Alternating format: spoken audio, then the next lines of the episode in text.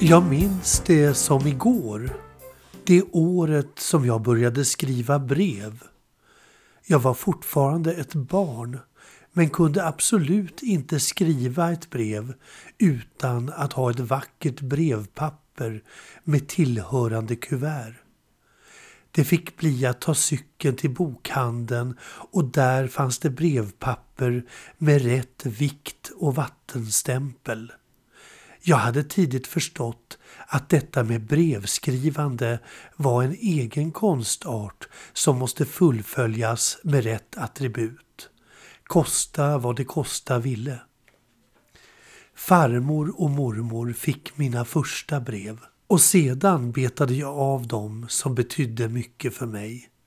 Mina släktingar i utlandet, gamla kompisar som jag hade förlorat kontakten med och så vidare. Jag blev alltid så känslosam när jag skrev. Jag ville förmedla min saknad och längtan till den som läste. Det blev en tidig träning i att kunna uttrycka mina känslor på ett begripligt vis för andra. Och lustigt nog så genererade dessa utskick oftast något tillbaka i min brevlåda.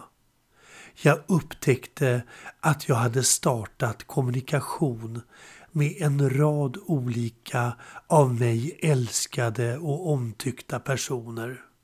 Jag förväntade mig absolut ingenting tillbaka och det gjorde mig berusad av lycka då jag på väg hem från skolan vittjade min brevlåda och fann ett till min person adresserat kuvert.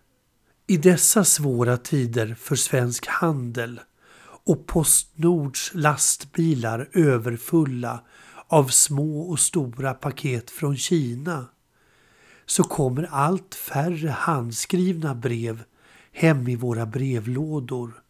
Sirliga innerliga brev från hemliga beundrare, gamla släktingar och borttappade vänskaper.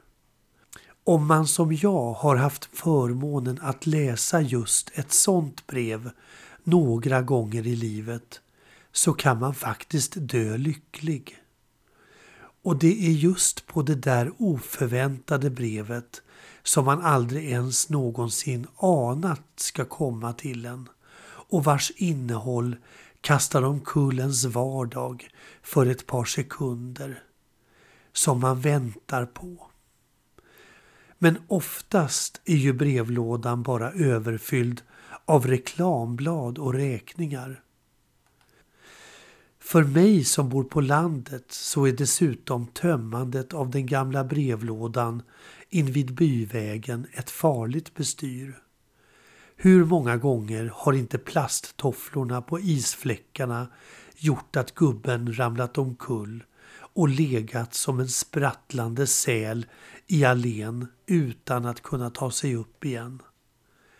Men trots att man vet att plåtlådan som är avsedd för brev mestadels är fylld av sånt som man kan använda för att tända brasan med så tar nyfikenheten tag i mig när jag ser postbilen stanna uppe vid vägen. Jag har fått ett par brev i mitt liv som gripit tag i mitt hjärta. Brev som jag aldrig någonsin förväntat mig men som skrivits till min person av någon som jag betytt något för. Det rör sig om cirka fem brev, varken fler eller färre.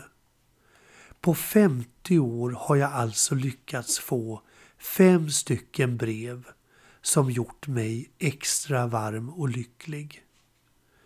Jag har en rangordning på dessa brev och det är kanske fel av mig. Men det mest oväntade brevet var det mest önskade. Trots att jag inte ens vågade hoppas. Och om sanningen ska fram så hade jag nog till och med slutat hoppas. Ett brev säger ju så mycket. Vi pratar om att lära våra barn att läsa mera böcker. För bokkonsten är ju en hotad art i vårt högteknologiska samhälle. Men brevskrivandet borde vi verkligen undervisa i.